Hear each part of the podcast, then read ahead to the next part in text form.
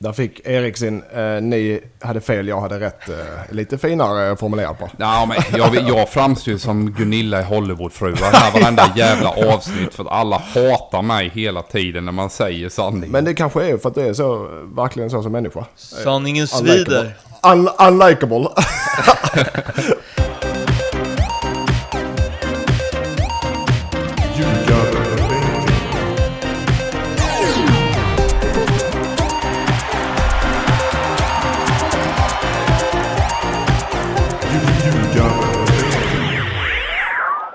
Ljugarbänken är detta och avsnittet är så mycket som nummer 89. Och vad är Ljugarbänken då undrar ju ni som lyssnar. Jo, det är Nordicbets podcast om allsvenskan i fotboll.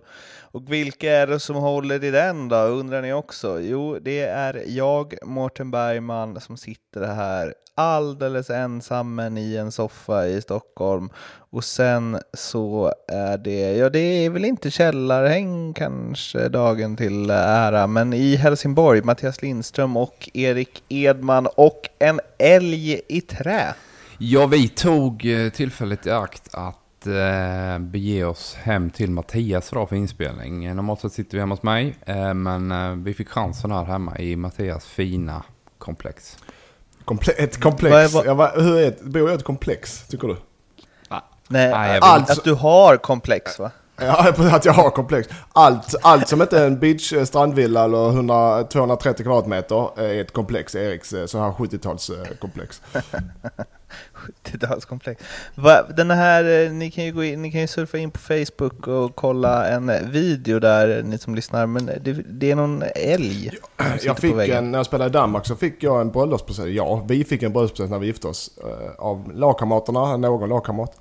Och då var det en, en träälg. som alltså man ska sätta på väggen som en liten trofé. Eftersom jag är djurvän och inte tror på jakt och döda allmänt. Så eh, blev det en träälg. Kän, känns skönt ändå att eh, ljugarbänken eh, tar avstånd från eh, att eh, döda allmänt. Ja, men ja, sen, men sen allmän- att ja, det men är det- mahognyträ från eh, Peru som är ju utrotningshotad. Träd och utrotningshotad, jag säger. Så det, är en, det är en helt annan det. Men vi dödar inte allmänt va? här i alla Nej, fall. det är perfekt. Eh, Okej, ja, eh, den var fin. Ni får gå in och kika där på Ljugarbänkens Facebook helt enkelt. Ehm, men eh, vi ska prata ja, hur det är att komma tillbaka i träning efter semestern. Tvååker är igång. Ja, vi drog igång igår eh, med en liten mjukstart efter två veckor. På, eh, eh, eftersom det var ett väder så har jag förutsatt att de har legat på stranden i två veckor, spelarna. Men de såg pigga ut. Som kalvar på ett grönbete som vi brukar säga. Eh, Lite... Ni har ju mycket koreferenser. Ja, det har, vi har mycket koreferenser där. Slarvig... Och kvaliteten på träningen var inget vidare. Det kan jag vara helt ärlig och säga. Men eh, eh, det var eh, många sugna spelare som inte hade huvudet på rätt ställe. Men det såg, det såg lovande ut, så ska jag säga då. Det var, eh, det var en, mycket energi. Exakt, och det är ett ord som Erik Edman hatar att använda i fotboll. Eh, framförallt för han, som jag, och jag citerar, pratar man om, man om energi och eh, kampvilja så kan man ingenting om fotboll. Jag citerar honom från gårdagen. Nej, det, för lite rättelse där Mårten. Pratar du som tränare i en halvtidsintervju till exempel om inställning och energinivåer så tänker jag bara att den här jäveln har ingen som helst aning om vad han ska göra i paus med killarna. Men om, om, om det taktiska sitter, men man är dåligt motiverad och inte gör det, det man ska. Ja, men det här, det är ju det, är ju det man pratar med inställning. Jag tror väl någonstans att de flesta som spelar på allsvensk nivå även division 1 är motiverade. Okej, Sen men finns det ju dig själv, ta dig själv som exempel. När du, dina, var du motiverad i din allsvenska karriär? Ja, det var jag varje match. Absolut. Varje ma- men varje Sen kommer match. man kanske inte upp i den nivån som man önskar eller eh, av olika anledningar inte eh, ja, får till det liksom. Men det har ingenting med att jag inte vill. Nej, nej såklart. Men du, du, du måste ju ha grundstenen för allt lagbygge är ju att du har en, en, en moral att jobba för dina lagkamrater, eller? Ja men vad fan, det där är ju en grundinställning eller Ja, alltså, grundfundament för all typ av idrott. Att Ja, du gör och det ditt finns- bästa. ja, och du tar för givet om du som det. tränare pratar om att vi måste kämpa mer jobba hårdare och de här klyschorna. Då tänker jag, vad fan, då har du inte fattat någonting som tränare. Nej, men inte att man ska jobba hårdare, springa mer. Men du måste ju, det måste ju synas att du vill vara på planen. Ibland ser du det med kropps... Jo men det är har ju också med spela. självförtroende att göra. Ja, men det själv- har ju ja, inte det bara... Har, jag det pratar inte men- utan vad jag pratar när du har bollen Erik. Det är då du ska ha energi och kraft. Inte när Jo, men bollen. det, det, alltså det är ju så komplext också Ja, det kring, klart det, kring men- vad heter det, idrott. Det här med att ja, men det ser ut som man inte vill. Det hör man ju alltid från alla lag som det går knackigt. Mm. Ja, men de springer ju för fan inte ens. Nej, men det kanske beror på att samarbete inte funkar. Det blir missförstånd och så blir man passiv, stillastående. Exakt, ja. inte initiativtagande. Exakt. Mm. Ja, och det är det jag menar med, med energi och, eh, och att du tar initiativ och gör det du, du ska göra och gör det bra. Och vågar tro på dig själv. Det är det som är grejen, eller? Ja, men det, det är ju det jag menar att det kanske inte alltid syns utåt på planen Nej, i men- ett lag som har dåligt. Men då kommer en tränare in i paus. Ah, men vi måste, vi måste jobba hårdare, vi måste Ja, ha men mer energi. tränare. Ja, Ja, du men- måste ju se det som tränare vad du ska trycka på. Ja, men då har han ju inte fattat någonting, den här jävla tränaren. Om han snackar om energi och inställning. När han inte förstår att alla spelarna gör sitt bästa. Det är bara det att de självförtroendemässigt är på så jävla låg nivå så att det blir en passivt intryck. Ja. Jag var på Arsenal-Lazio på Friends i lördags. Eh, och eh, två reflektioner därifrån. Dels, eh, vi satt på första raden. Eh, jävlar vad fort det går. Eh, jag och Oskar Månsson som ni känner till från när han har varit på Sportbladet tidigare har Fotboll Stockholm tillsammans med mig nu och eh, eh, han sa att så här, ja, men jag har ganska ofta tänkt liksom att ah, släng in mig tio minuter i landslaget på vänsterbacken och det kommer inte synas om man ändå, ja, man kanske går bort sig någon gång när man försöker stöta och så, men annars så, man, det, det klarar man. Man bara, Omvärderar det helt. Efter att ha suttit så ja, det nära. går snabbt. Det hade synts på, efter en Ja. minut. Det hade synts när jag stod och sjöng nationalsången att här är det någon som inte är riktigt på samma nivå som alla andra. Eh, men det var ett sidospår. Men också på tal om det här mo- motiverade. Eh, och eh, att man eh, har rätt inställning. I en sån match kan man ju förstå att spelarna inte har det. Men har ni varit med om när, man, när ni spelat och så här, att man känner på lagkamraterna, eller i alla fall några lagkamrater, att bara, alltså de tar ju inte ens i. Ja men det är det jag försöker förklara för Erik. Alla, han tror att han, han är så naiv så han tror alla gör det. Det att nu måste jag, alla tränare på elitnivå har en spelidé. Har du inte en spelidé och spelaren vet vad du ska göra, vad de ska göra i matcherna, så är det dålig tränare och dålig, då är det dåligt av dem. Det är grundförutsättningen såklart, att de spelar det och spelarna vet vad de ska göra. Sen att de gör det och gör det bra, det är det du ska motivera dem till ju. Inte att man ska stå och skrika tomma inte ett jobba för helvete, utan de måste ju veta vad de ska göra. Och sen, ja, jag har spelat med spelare som inte man tycker inte gör sitt bästa. De gör antagligen sitt bästa, men det är kanske andra grejer, självförtroende som spökar, eller att de inte vet riktigt vad de ska göra. Men, Sedan också, sedan också, träningsmatcher ska du också göra det bästa. Och där har jag också, om, om vi tar Eskil eller Tvååker som behöver, du tränar fyra dagar i veckan. Du har en taktisk träning, oftast, innan match, ofta, ibland fler, två kanske. Du har en dagen efter träningsmatch, äh, äh, träning. Hur många träningar har du kvar sen att prestera och göra, och, och göra grejer? En, två kanske, max. Du måste vara bra och ha energi Erik Edman på varenda träning, varenda dag, på varenda övning. Det är kravet jag ställer på mina spelare. Ja det gör jag. Om det är det du menar. Du tycker fel. Det gör jag. Ja, vad fan är det du säger som jag inte precis har sagt då? Jag Att förstår ty- ingenting vad du pratar om nu helt ärligt. För att det, det, det är ju inre motivationsfaktor får man väl hoppas att Ja. tvååkersspelare tycker att fotboll är ganska roligt. Så att de Ja. kommer till Övrevi fyra dagar i veckan för att träna för att man någonstans tycker att det är kul. Och det är ju en grundförutsättning för att man ska göra sitt bästa. Sen underlättar det ju väldigt mycket om du som tränare kan förmedla dina taktiska budskap till dem så att de fattar vad de ska göra så inte det blir de här missförstånden så att energinivåerna inte syns ute på planen så att det blir det här passiva, Men det ska, stela. väl, det ska man väl kunna som tränare om man är tränare på elitnivå, eller hur? Ja men du, Ja. du ska ju egentligen grund, bottom line, inte behöva motivera dem och, och, och liksom... Nej jag vet att du tycker det, men jag tycker inte det. Jag tror... Du motiverar dem genom att vara kompetent tränare så att de får ett förtroende för dig så att de utför det du vill att de ska göra. Ja, såklart. Men jag vet, vi har haft diskussioner här innan. Du tror inte på att man innan match, fem, en minut innan match, två minuter innan match, innan du går upp, kan ge dem den här extra procenten genom motivationssnack, som man säger.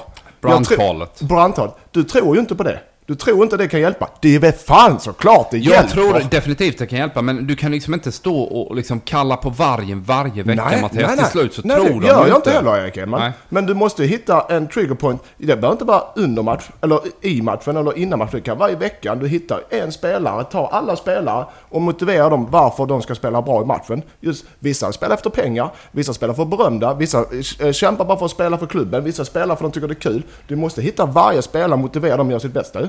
Ja, men där, Ja. där är jag enig med dig för en gångs skull. Ja, ja, ja det är bra. Men eh, jag tycker, men jag tror på det här med att bygga upp varje match till en cupfinal. Ja, bra Mårten, för det tror jag också.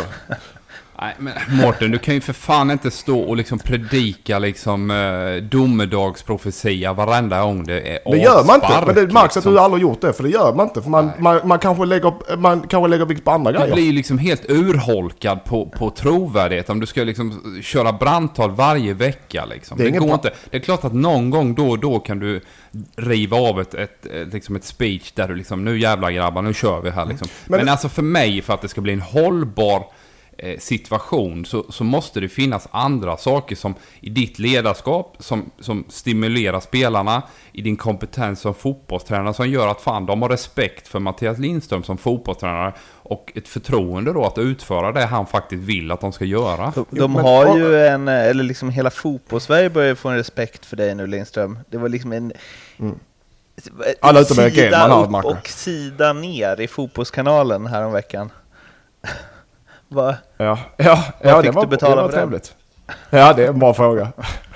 Men, eh, men eh, liksom eh, Sveriges hetaste tränare är det ju i princip som sitter här i vår podd.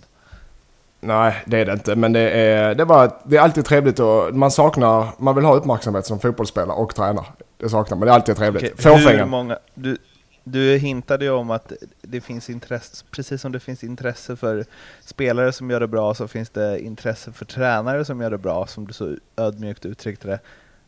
Berätta mer om det här intresset. Ja, det, som, det sa jag också att det var inget, konk- det är inget konkret. Men det är precis som vi sitter här 99% och klart och, och lyfter spelare så, så är det klart att man hör grejer eh, om tränare också. Jag hör grejer mina spelare också men det kommer jag heller inte ta för det, det är en helt annan eh, kapitel av eh, min bok. Så den, den eh, lämnar vi utan off-podd. Okej. Men, Alltså nu känner jag att jag uff, blev, blev, blev, blev bekväm i den här journalistrollen. Är det någon allsvensk klubb? Nej. Vad sa du? Nej. Österrikisk då? Ja, det är sju klubbar i Österrike. Alla utom Mattersburg ringer mig. ja, för de vet vad de får. Ja, ja. Det har spelats allsvensk fotboll, det har inte varit eh, kanske de eh, allra hetaste matcherna om vi nu ska ta ner förväntningarna, men det kräver ju bara eh, eller ställer högre krav på oss. Så nu ska jag ha ett, eh, Eh, ett speech här. Nej, det ska jag inte. Jag ska dra hur det har gått i matcherna. Brommapojkarna vann med 2-1 mot Dalkurd. Kalmar vann med 2-1 mot IFK Göteborg. Hammarby eh, sänkte Trelleborg 1-0. Matchens enda mål. Många spel som rök där känns det som. Många som hade två mål, eh, två mål eller fler vinst på Bayern. Örebro, Häcken 1-2, Elfsborg, Östersund 0-2. Och slutligen Giffarna, IFK Norrköping spelade oavgjort 1-1. Vi börjar med BP Dalkurd, denna brännheta tillställning eh, där eh, Dalkurd återigen fick se sig besegrade. Eh, BP bytte in en 16-åring som jag har eh, tappat eh, namnet på, som eh, han heter Jack Lane, som fick göra 2-1 målet är avgörande med 10 minuter kvar. Men en positiv grej för Dalkurd då, då eller så här, det beror ju lite på hur man ser det, men Buya Turay ska tydligen vara såld för 20 miljoner till eh, också en klubb som jag har tappat namnet på. Det går bra nu. Eh, Sint Tröjden Sin- har jag ja, i läst mig Belgien. till. Ja, i Belgien. Ja. Um, man får ju säga att de har fått ganska bra eh, avkastning på den här uh, Buya Turay-värvningen. Ja, det gick, ja, det gick snabbt alltså för honom. En Eh, jävla massa mål. Och, vad, vad gav de för honom? Vet du? Det ryktas väl om en 7-8 miljoner, eh, men det känns ju extremt mycket. Sen Så, har ju säkert AFC eh, procent på den här försäljningen också, ska man nog eh, komma ihåg. Annars känns det väldigt märkligt. Eh. Ja. Men, men såklart, det, ja, det är ett, eh, ett jättetapp mot en klubb i... Jag ser faktiskt inte hur Dalsvik ska, ska eh, hålla sig kvar i Svenskan. Ja, det är i mina ögon en otroligt, ja, max 10% chans alltså. Nej, det är inte ens det. De kommer rasa igenom fullständigt nu. Sugita drog till något annat gäng. Var det Iran eller någonting? Eller Saudiarabien? Jag kommer inte ihåg. Det är också en viktig offensiv spelare för dem. Eh, stökigt på alla möjliga olika sätt. Nu sticker deras bästa spelare också. Den enda eh, möjligheten de hade att kunna möjligtvis kunna kravla sig till en form av kvalplats. Nu kommer de komma toksist. De kommer knappt ta en poäng här på hela hösten. det stämmer inte alls överens med deras eh, satsning liksom. Eller? Det blev liksom inte det Nej, man och trodde. den, nej, men den satsningen kändes ju spännande när de gick upp och de hade de här kurdiska miljardärerna i ryggen som verkar ha tappat intresset för eh, föreningen nu och skiter fullständigt i det. Så nu handlar det om att man eh, ska få in de pengarna man kan eh, på de spelarna som fa- faktiskt är eh, ja, försäljningsbara. Eh, och det gör man nu och det kommer göra att eh, Johan Sandahl eh, har ett omöjligt uppdrag. Sen så kan vi väl, eh, ja, det är lite tidigt kanske, men det blev inget Östersund, i alla fall inte första sessionen i Allsvenskan. Det kan vi ju slå fast. Nej, och det det, be- ska bli intressant det att se vart det tar vägen efter det här, för som vi sagt innan, potentialen finns ju helt klart, men det är lite rörigt, Men kan man ja, det är lite rött. De, de, eh, nu tror jag inte Dal- Dalkurd är väl... Det blir inget fritt fall eh, alla Åtvidaberg. Eh, men att de inte platsar i Allsvenskan det, det kommer bli ganska klart nu i höst. Några som vi ibland varit inne så pass hårt på så att man kan undra om de platsar i Allsvenskan är ju IFK Göteborg. Kalmar borta, Kalmar som har haft det riktigt kämpigt. Och Nanne Bergstrand har tagit timeout och så vidare och så vidare.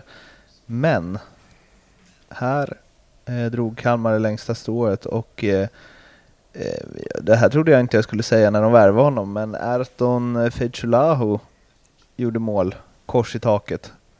Och han sköt nästan på ett sätt som att han inte trodde att han skulle göra mål. Och han blev så himla förvånad så att han typ inte, det såg ut som att han glömt hur man firar. Eh, men det tillsammans med ett straffmål. Eh, Göteborg har alltså fått fyra straffar mot sig de tre senaste matcherna. Eh, gjorde att eh, Kalmar kunde vinna med 2-1 och Poja stod i tv-intervjun efteråt och man kan väl säga att han höll igen lite. Var, var... Ja, han ville ju absolut inte eh, kommentera den här straffen. Men till slut var han ju så jädra förbannad så han kunde inte hålla sig. Eh, det är klart det finns en frustration från eh, Blåvitts håll. Man har åkt på ett gäng straffar nu som har varit tveksamma. Den här kändes också märklig. Sakur eh, är lite oförsiktig. Eh, och drar ju såklart på sig då risken att fixa en straff till Kalmar. Men jag tycker inte det här heller är en straff. Nej, det är Eh, det. Känns jätte, jättetveksam. Ja, den gör ju det. Och det blir liksom...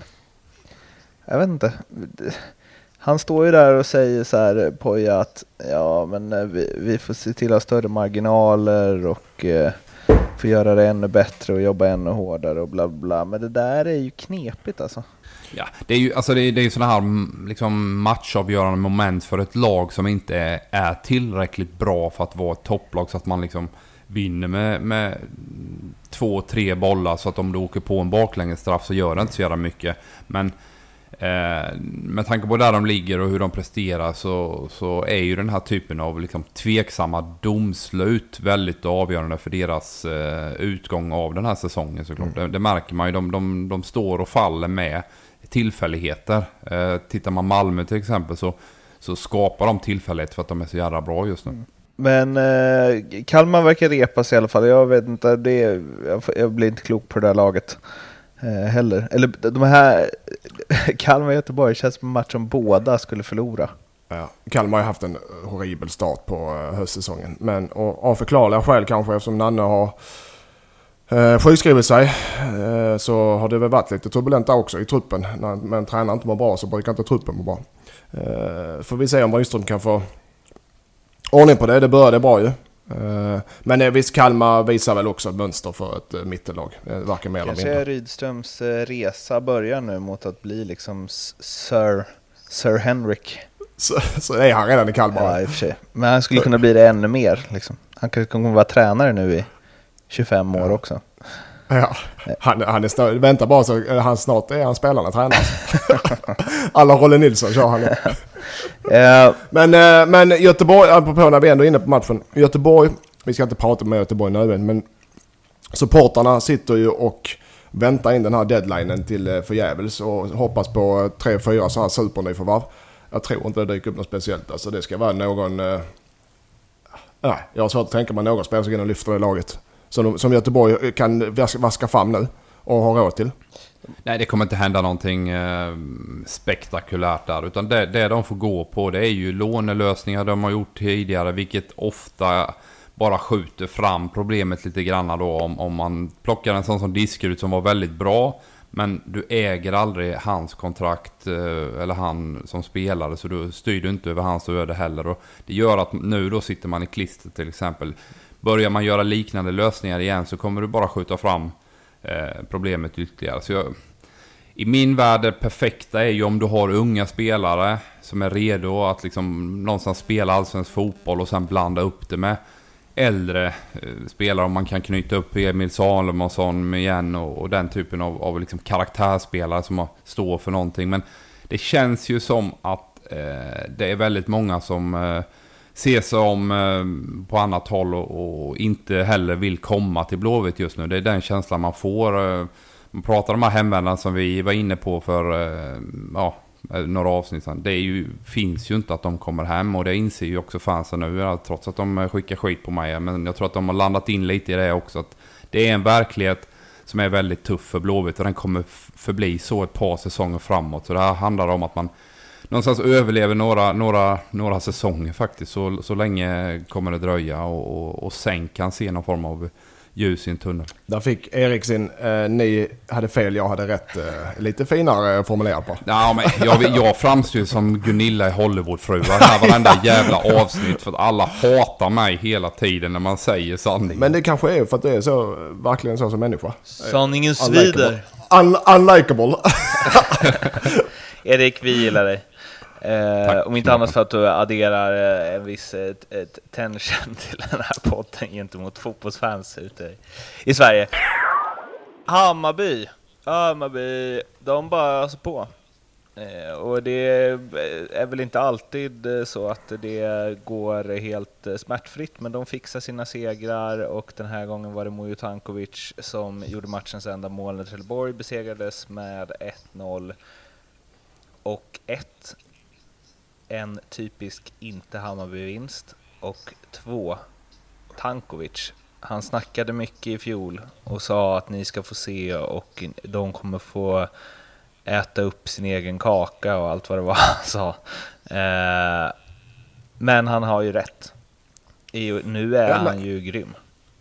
Ja, och det, det, det är ju vad Hammarby egentligen har byggt, med Billborn har byggt eh, från grunden. Där att de här Tankovic, Imad, Kalili, eh, spelare som eh, man vet har kvaliteter men som har gått på tomgång. De blommar ut om man ska använda sådana jävla klyschor igen. Så att de hittar motivationen och verkligen gör, börjar i rätt ände och göra sitt jobb för laget och sedan kommer det andra automatiskt. Det är väl det då han, har- då han har tryckt in på dem och det fungerar. Och det, sen måste jag säga, jag var uppe och, och, och, på Hammarbys träning, för jag var uppe i Stockholm och på brorsan, så var jag uppe och träffade Jeppe Jansson uppe på träningen och pratade lite och Hjelmberg och de här. På tal om huruvida det finns intresse för Mattias Lindström eller inte. Nej. Ja precis, ska vi ha, är ni nöjda med han Billborn? Nej, det, det, fan ska ni med honom till liksom? ni leder det? Nej, exakt. Nej, men det, och det, nej, jag ska komma till det att för det första, jag tycker det verkar vara en jättebra tränare för det första. Men det är en helt annan grej. För det andra så, den, det var 30, 30 grader varmt på den träningen och på konstgräs. Det var en, jag har ändå sett många, varit med på många träningar på elitnivå och det här var full fart. Det var bra kvalitet, både på träningen organisatoriskt och eh, ledarskapsmässigt, men även på spelarna. Det var bra fart, det var bra fotboll och det var konkurrens. Man märkte att de här spelarna som är på träningen, de går genom eld och vatten för att få spela, spela för att starta i, till helgen. Så det var imponerande att se och det är väl eh, därför Hammarby är de har bra spelare men också den här spelaren verkligen vill. Vill, som vi pratade om innan, vilja Erik. Men framförallt så gjorde de en kursändring. De plockade in en, en dansk tränare, Mikkelsen, som ville eh, vara väldigt direkt, eh, smälla upp bollen tidigt, långbollar och så vidare och kampmoment. Men de spelarna man plockade in var ju lirare. Så det funkade ju inte under hösten. Så att det modiga beslutet klubben och om det nu är Jeppe eller vem fan det nu var som eh, Eh, fick för sig att kicka Mickelsen så var det ju helt rätt. För att nu har man ju anpassat spelsättet efter eh, den typen av spelarmaterial man har. Och det ser man också. Sen tummar man ju inte, som Mattias är inne på, man tummar ju inte på det här hårda arbetet någon gång. Jag menar, vi var inne på Djurdjic förra veckan, men det är många som gnuggar otroligt hårt där. Plus att man spelar en attraktiv fotboll som passar spelarna. Mm. För när de tar in spelare som Djurdjic, som går i bräschen med det här att man ser, han gör mål, han är deras bästa spelare, han är allsvenskans bästa värvning än så länge så kan jag tycka. När han går ut gång på gång på gång och träning efter träning efter träning efter träning. Vikten av hårt jobb och vikten för att jobba för laget och vikten av verkligen ställa krav på varandra och allt och vinna matcherna. När han går ut i bräschen för det, ja då får han med sig några spelare och så får de med sig några spelare och så blir det ringa på vattnet. Den effekten är så jag kan inte nog understryka hur viktig den är för ett lag. Och jag måste säga en sak igen. Jag tror det, jag, sagt jag sa det för ett, ja, drygt ett år sedan kanske. Jag tror Hammarby blir nästa svenska lag i Champions League. Och då, då räknar jag att Malmö kan nu gå in i år, men då räknar jag att Malmö är det lag som är där. Nästa svenska lag efter Malmö är Hammarby i Champions League alltså. Det tror jag. Um, Vladimir Rodic sägs vara på väg in. Jag, är, ja, jag var tveksam till Djurdjic också. Men äh, Jeppe har väl förmodligen sett honom lite mer än vad jag har gjort. Då. Men jag tycker inte man ska göra någonting. Jag tycker det finns en harmoni där nu. Och den utstrålar man på planen varje vecka. Och nu kommer Jonas Barn in och spelar, gör det bra. Liksom, man kan ändå växla runt på några spelare. Så att, fan, jag hade inte bråkat med hierarkin och den kemin som finns i gruppen genom att plocka in en ny spelare nu, utan jag hade låtit det vara faktiskt. Känns det inte som att uh, i och för sig Djurdjic kan ligga bakom den? Jo. De spelar ju tillsammans i MFF och uh, så här var, Rodic var ju bra till Djurdjic försvann. Ja, och han är en bra spelare. Men eh, jag håller faktiskt med Erik där att eh, Eh, du ska inte ta, bara för det är spelare lediga som, hade, som är bra och hade kunnat, lev, man måste se nuet också. Vad är bäst för oss nu? Vad, hur vinner vi nästa match lite? Eh, och det ska finnas plats i truppen rent personlighetsmässigt också. Så att jag, jag tror inte, tycker inte man ska ta in fler folk nu heller. Även om det är bra spelare som är lediga. Hur är det en, eh, oavsett om det är bra eller inte, så blir det ju en signal att de verkligen går för det här nu. Um... Ja, och de kommer vara med i racet. Jag stack ut hakan i våras så att det finns inte en chans nu sitter jag faktiskt och är lite nervös och, och eh, svettig. För de spelar riktigt bra. Och i min värld så är det AIK och Hammarby som kommer göra upp om det här eh, till hösten. Jag tycker fortfarande att AIK har kanske ännu mer kvalitet. Men de, de prestationerna jag har sett av Hammarby senaste veckorna känns jättespännande. De hade sin dipp där precis innan uppehållet och lite efter också. Men eh, de känns jättebra just nu eh, prestationsmässigt. Och varenda seger de tar är ju eh, välbefogad. Liksom. Det, det, är ingen tur på något sätt, utan de förtjänar eh, varenda jävla poäng. Örebro-Häcken, snabb grej där bara. Häckens, eh, eller Örebros 1-1 mål. Eh, en putt på målvakten. Ja, Almebäck var det väl va? Ja. Almebäck var det som var där under och... Ja, jag, jag kan inte 100% reglerna. Jag kan känna att han är, han är ganska smart, street smart. Almebäck, han, han är där med sin fysiska närvaro, men jag tycker ändå inte han putta till Abrahamsson speciellt mycket. Så att eh, i min värld, vad fan, ge, gör mål där. Jag tycker ibland finns en tendens från domarhåll och att du alltid ska skydda keeprarna och vad de än gör där inne i fasta situationer så, så får de eh, frispark med sig trots att de kanske inte alltid ska ha det. Mm. Det, det, är för mycket hockeymålvakt över det. det är, de har ingen, ja, vi har haft den här diskussionen med domar. De har ingen, målvakterna har ingen frizon i, i, i, i fotboll. Du kan stå en halv millimeter från målvakten. Hur många spelare du vill. Du kan ställa tio man runt målvakten om du vill. Mm. Så länge du inte rör honom. Så kan du stå där hur mycket du vill. Och han, han får inte putta på dem. Han får inte flytta på dem. Står du stilla där så får inte han göra ett skit. Men såklart, domarna vågar inte ta sådana beslut. Men eh, här vågade de ju dock det. Eh, de vågade i det här fallet gjorde de det. Ja. Och för andra gången, alltså kommer ihåg att jag sa det om Rasmus Lindgren när Hammarby gjorde det här målet när de inte spelade tillbaka bollen, att det såg ut som att han skulle explodera på planen. Falsetas. alltså, topp tre argaste människor jag sett i mitt liv tror jag. Eh, när han gick mot domaren. Helt otroligt. Alltså jag förstår inte. Jag kan inte komma på något som skulle göra mig så arg. Så arg var han. så liksom, det är värt att titta på. In och kolla på highlightsen. Och jag förstår, alltså starkt av domaren att inte vända sig om och springa, för det, han ser ut som att han ska kunna göra precis vad som helst i det läget faktiskt. Eh, och eh, ni får gärna tycka till vad ni tycker om det målet, för jag är lite kluven där. Jag tycker att Abrahamsson eh, ramlar ihop lätt.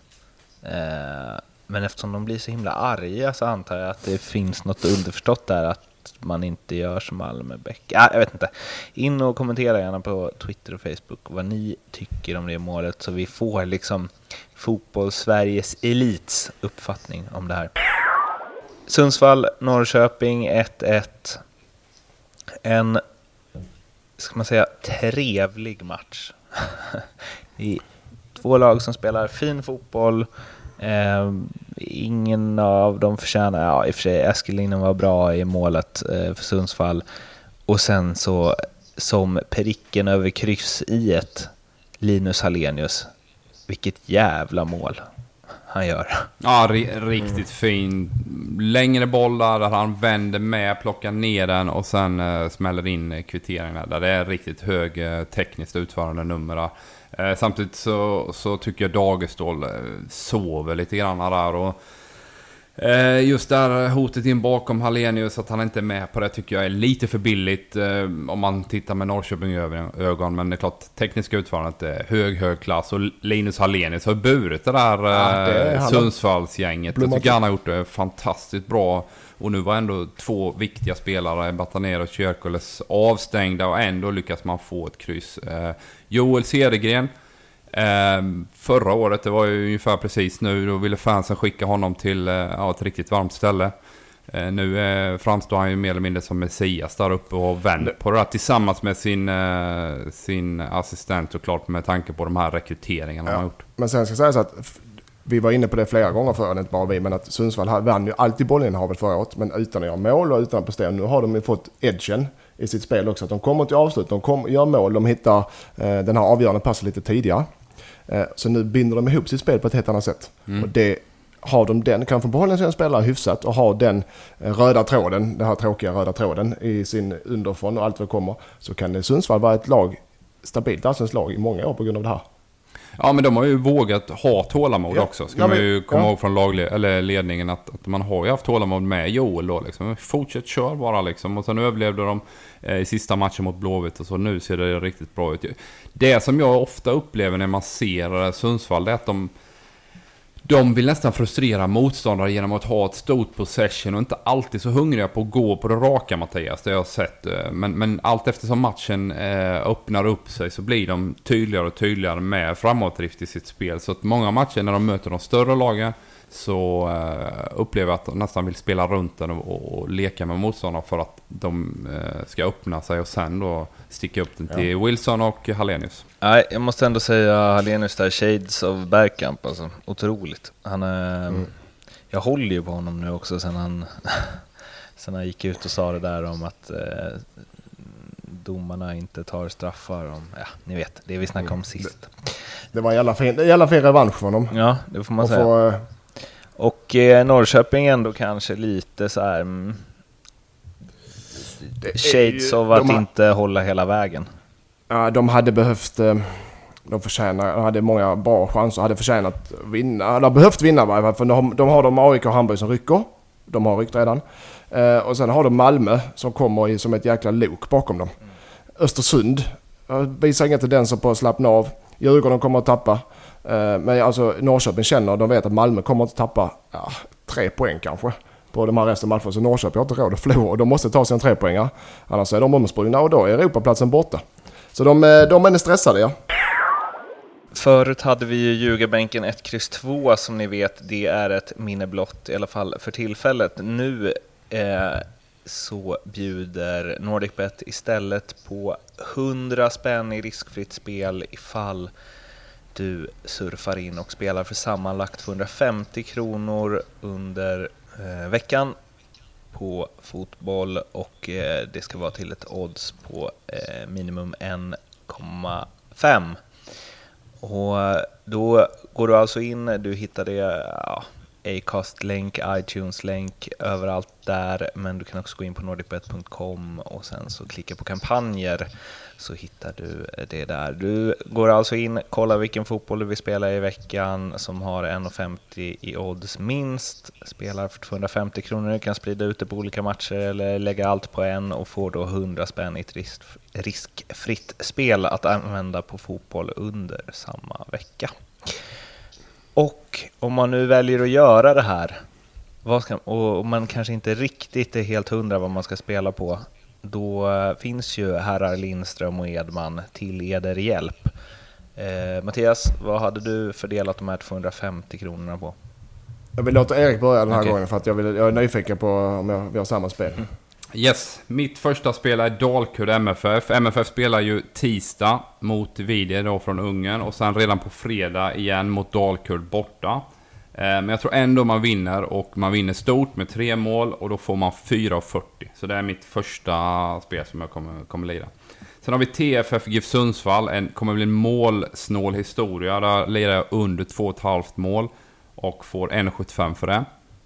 Tredje valet som jag kommer jobba med är IFK Norrköping, Hammarby. Båda lagen gör mål i den fighten. Norrköping gör alltid mål och Hammarby är väldigt bra offensivt. Så 1,82 betalar den. Mattias, mm. hur kontrar du på detta? Jag kontrar med att jag tar tre mer eh, normala spel för jag vill vinna. Eh, för mycket konstigt vinner man inte på. Men Dalkurd Malmö är jag också inne på. Jag tror båda lagen gör mål. Dalkurd mål i alla sina hemmamatcher. Jag tror Malmö vinner. Så Dalkurd mål i alla sina hemmamatcher. Malmö har släppt in mål i alla utom en av sina bortamatcher. Båda lagen gör mål. I Malmö Dalkurd 1,82. Tycker jag är ett bra spel. Norrköping Hammarby över eh, 2,5 mål. 1,75. Eh, ser inget annat eh, utgångsfall i den matchen eh, än att båda lagen går för seger. Och då har de offside kvaliteter där. Så det kommer två, över 2,5 mål i matchen. Jag tycker oddset är för högt. Eh, AIK Elfsborg, hemmalaget vinna eh, och hålla nollan. Ja, 2.35. Tycker också att eh, AIK har släppt in fem mål på sina hemmamatcher. Elfsborg har inte gjort mer än, jag tror det är åtta mål på sina nio bortamatcher. Så att jag eh, tror AIK vinner den och håller nollan. 2.35. De tre spelen. Tre riktigt bra spel såklart. Där har ni det och länk hittar ni som sagt i Acast och iTunes beskrivningen eller surfa in på NordicBet och klicka på kampanjer. Gött så NordicBet. Det här Europakvalet det blev ingen hit. Nej, det blev ju ett fullständigt fiasko eh, Malmö eh, kan ju rädda upp det genom att gå till Champions League. Då kan Sverige skapa ihop lite, eh, nog väga upp de här poängen de har tappat i Europarankingen. Men annars är det ett jättefiasko för Sven. Det, det, det, det blir konsekvenser för alla lag som ska ut i Europa senare. Eh, de tappar i Europarankingen. Men Malmö, jag tror om jag har läst på rätt att Malmö, tar sig Malmö in i Champions League-gruppspelet så räddar de upp poängen igen. Min, min kära far är en stor fotbollsälskare och ser liksom all fotboll i princip och har spelat och tränat och allting. Och han var, han var liksom, han ringde mig efter när AIK och Djurgården eh, hade åkt ur där och Häcken också, men det var ju klart sedan innan. Han var riktigt upprörd alltså. Han var här värvas det liksom. Erik Johansson och det är Sebastian Larsson och det satsas och det är hej och hå. Och sen så åker de ut mot eh, lag med massa spelare man aldrig hört talas om. Massa, en massa juniorer, en massa låtsasdanska ja. juniorer vet du. Ja men lite, alltså. Och så här, ukrainarna där kom väl typ femma i ligan. Alltså, det är ju... Eh, nej men han var verkligen så här, Fan, allsvenskan är inget bättre. Det är inget bättre än så här. Alltså, Man, Maripol, där i Ukraina, för det första, det är inget ukrainska ligan. Kommer du femma i ukrainska ligan så är du inte ett dåligt lag. Och du tjänar nog dubbelt så mycket som de svenska spelarna. Men, eh, och Nordsjälland vet vi, eller vi visste här i alla fall att de har kvalitet. Så den, eh, och Leipzig vet vi också, så det, det är ingen... Eh, men om du kollar på Gnagets trupp, visst Nordsjälland har gjort det bra och det är liksom kidsen där har skolats in och det är liksom, ja men hatten av verkligen. Men A, Hatten av för Mattias som satte ett varningens finger för Nordsjälland tidigt här inför de här mötena. Nej men Nordsjälland imponerar ju såklart Lovord från, eh, säger man lovord från kejsaren, säger man det Mårten? ja, Det är första gången på 89 avsnitt. Det ska här var ju en match, framförallt avgjordes ju denna på bortaplan där AIK har chanser att liksom få med sig ett resultat. Sen när man kom hemma så blev man faktiskt tagna på sängen. Man försökte gå högt upp och attackera men man blev liksom sönderspelade av ett skickligt eh, Nordsjälland med helt makalöst duktiga unga spelare som, som vinner matchen rättvist till slut uppe på Tele2. Alltså, den här matchen avgjordes nere i Danmark när man inte fick med sig det resultat man ville. Eh, bortamatchen, jag tycker det var, det var underprestation av AIK och det var många spelare som hade väldigt svårt mot de här kvicka danskarna. men då måste, jag måste ändå säga då att liksom AIK värvar Stefan Silva, eh, Staffanelli förra året för sig, Ado, Sebastian Larsson, Elionossi, Panos in nu, eh, Milosevic, eh, Joel Ekstrand för sig skadad. Alltså de har ju verkligen satsat. De har ju verkligen köttat in och att då, att då inte... För jag vet inte, visst bortamatchen där, men hemma, de var, de var liksom aldrig ens riktigt nära. Men jag, Och jag, Nordsjälland var, jag kollade, de har tagit fem poäng på fyra matcher i danska ligan. Nu såg jag Nordsjälland, jag såg Bröndby Nordsjälland i första halvlek. Bröndby är bra ska sägas. Jag körde över Nordsjälland där men det var ändå... Eh, det blev det bara 1-0 tror jag. Men eh, Nordsjälland är bra. Det är ett bra lag alltså. Men det är inget menar? Men sen, men, sen, ja, men sen tycker jag, jag tycker AIKs på bortaplan så angrep de matchen rätt. Nu var de bara kanske lite omotiverade Erik. Men på hemmaplan tycker jag de angriper matchen fel för de vet, ja, Nordsjälland kan spela sig ur vilken press som helst egentligen. Och AIKs presspel är en av deras starka sidor. Jag, tyckte AIK, jag tycker AIK skulle laxa lite längre ner i banan. Även om hemmaplanen måste gå för vinst. I varje fall i början för de blev för utspridda och de knackade igen dem som det vore ett juniorlag. Jag tyckte de angrep matchen fel. De skulle legat och väntat lite för målet hade de gjort mot dem. Eh, Jag ty- så jag tyckte, jag tyckte det var ett taktiskt misstag att de inte gick vidare. Det, det här, detta debaclet får man ändå säga, Europa-debaclet, att de eh, inte kommer dit. Det är ju jätteflopp för AIKs bygge. Eh, om vi nu snackade Elfsborg innan och ekonomisk kris där. AIK fick in, ja, man snackade om 100 millar då för Ovori och Fori heter han va? Och eh, Isak tillsammans där när det var lite avbränningar. Men de har ju bränt en hel del av de 100 redan. Plus att man har en stab som är väldigt stor. Så det skulle ju också vara intressant att se eh, 2018s ekonomiska verksamhetsår för AIK. Oavsett om man tar guld eller inte. För man ska komma ihåg att ett SM-guld betalas inte speciellt mycket. Nej. Så länge du inte då tar dig in i Europa League eller Champions League som Malmö är på väg att göra nu. va. Så, att, eh, detta ekonomiska året för AIK kommer vara riktigt rött. Björn Westström sa ju någon gång att det är hellre att det är mycket bättre ekonomiskt att komma trea, trea, trea, trea än etta, åtta, etta, åtta. Ja, absolut. Europaspel är det, är det man vill som klubb. Som storklubb i, alla, eller lite klubb också. Europaspel är det enda, det är det enda som gäller. För, Ja, det för gör- klubbarna, för, för supporterna guld, ja. För klubbarna Europaspel. Det är ja, det som gör ju också på. att dels kommer Europapengar in och dels också så, så tävlar spelarna på en högre internationell nivå så att intressenter kommer bli mer intresserade av att köpa spelare från din klubb när de ser att man spelar jämt med Standard Liège kanske eller får ett kryss hemma mot Lazio eller något liknande så va. Så att, eh, det, som, det som är lite tveksamt och liksom orosmoln på, på himlen i, i Solna det är att man har Kristoffer Olsson som du kan sälja och du har kanske Oskar Linnér också. I övrigt finns det fan ingen du kan kränga i den där truppen utan det är mycket äldre spelare nu som eh, inte går att, att bli av med. Om du nu vill Och bli som av med kostar dem. pengar menar du? Ja, och så du ska få in pengar för dem. Ja, eh, jag måste säga att jag också... Nej, jag börjar liksom så här, ifrågasätta vad, vad det är för kvalitet egentligen på allsvenskan när det blir så här. För jag tycker att AIK är en av de starkaste allsvenska trupper jag någonsin sett. Eh, och, eh, Och så- och, Mm. gener- Ja, generellt att allsvenskan nu har många lag som har trupper som är, alltså det är många så här januari-turnéspelare som känns som att de vänder hem till allsvenskan istället för att kravla sig fast ute i Europa till varje pris liksom. Och sen så kan de ändå inte hävda sig mot ett eh, danskt eh, mittenlag och eh, ehm, ja, nej, jag vet inte. Men Nord, Nord, Nordsjälland kom i topp i danska ligan, eller kom eh, på Europaplats i danska ligan. Nordsjälland är bättre än de flesta allsvenska lagen ska sägas. Det är, det är inte... Det är för fan inte... Det är inte väst, Västjylland, jag vet inte vad de heter. Men det är inte Odense liksom. Är inte Odense eller Århus eller sådana Snacka inte lag, utan skit om. Odense. Ja, eh, eh, Nordsjälland är alltså ett bra lag. Jo, men jag menar, det är så här Milosevic, Sebastian Larsson, Elionossi. Det är ju, det är ju landslagsspelare, nordiska landslagsspelare som kommer hem. Och att man då inte är... Nej, jag tycker det är... eh, Jag skulle sätta en trea på en 10-gradig skala på AIKs insats i Europa. Ja. Djurgården får en etta. Ja, ja, ja för fan. Ja. Men sen det sen också, nu har både Djurgården och AIK, framförallt AIK har ganska många spelare som kommer att sitta på bänken nu som, inte, som de inte hade behövt. De kunde dubblera med Europaspel. Nu kan de inte det och det är inte så jävla många matcher de har i höst heller. Så det kommer bli kanske lite missnöje på många spelare. Kommer det inte också, alltså det, jag uppfattar det som att många AIK-fans på det kanske var någon så här ja, positivt tänkande, men som bara, ja okej, visst vi åkte ur, men eh, nu är ju vägen till guldet öppen. Ja, men det är det jag menar. Det är bättre att spela i Europa än att vinna guld för klubben. Och sedan också två matcher i veckan för den truppen är ingenting. Det är inte så att nu har de en match, allsvenskan har bara en match i veckan nu. Det är inga dubbelomgångar på lång tid va. Så att det blir bara löjligt. Två matcher i veckan klarar du som fotbollsmatch utan med resor och sånt utan problem. Eh, ja, Europafiasko, får se om eh, Malmö kan hålla fanan eh, lite högre än vad övriga lyckades med oss.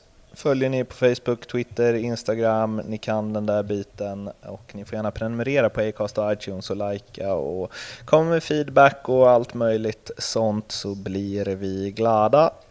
Och tills nästa vecka då vi hörs igen får ni ha det så bra. Hej hej! Hej! Hej då!